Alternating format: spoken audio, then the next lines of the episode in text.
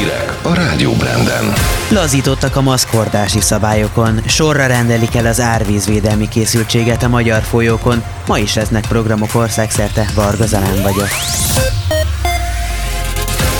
Üdvözlöm Önöket, magyarországi híreinket hallják. Folyamatosan zajlik az oltás a hosszú hétvégén a kórházi oltópontokon és a házi orvosoknál is. Az online időpont foglalóban Sinopharm, Pfizer, Sputnik és AstraZeneca vakcina kérhető.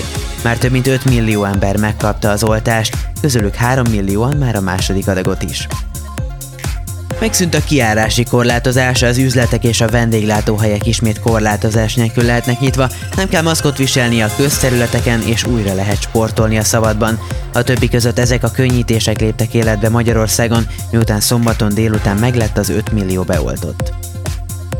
Továbbra is áradnak a magyar folyók, a Sajón, a Hernádon, a Bódván, a Bodrogon, a Szamoson és a Körösökön is árvízvédelmi készültséget kellett elrendelni de több szakaszon vezettek be belvízvédelmi készültséget. A szakemberek a következő napok várható időjárása alapján arra számítanak, hogy hamarosan levonul az árhullám. Összehangolt drograziát tartottak a rendőrök szombathelyen, az egyenruhások tíz helyszínen csaptak le egyszerre. A gyanúsítottak otthonában kábítószergyanús anyagokat, terjesztéshez szükséges eszközöket találtak. Két helyszínen marihuána ültetvényt is felszámoltak, a kilenc gyanúsított közül négyel szemben eljárás indult. Lakásűzben meghalt egy ember Vácon, a lángok egy négy emeletes társasház egyik lakásában csaptak fel, a tűzokát egyelőre nem tudni. Az oltás idejére 18 lakónak el kellett hagyni az épületet. A katasztrófavédelem arra hívta fel a figyelmet, hogy a lakástüzek mindegyike megelőzhető lenne odafigyeléssel és az elektromos hálózat, valamint a fűtőeszközök karbantartásával. Országszerte számos program várja a különleges ízélményekre vágyókat a pünkösdi hétvégén. Veszprémben megyei és helyi őstermelők kínálják termékeiket a Bakonyi ízek vásárán. Sümegen pünkösdi kézműves termelői és kirakodó vásárt rendeznek.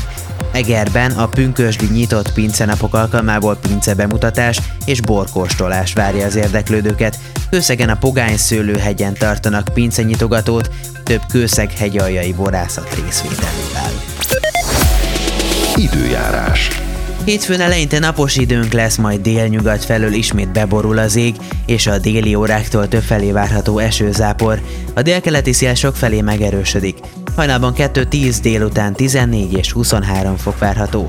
Kedden két arcúra fordul az időjárás, északnyugaton 20 fok alatt, délkeleten 30 fok körül alakulnak majd a maximumok. A szerkesztőt Varga Zalánt hallották.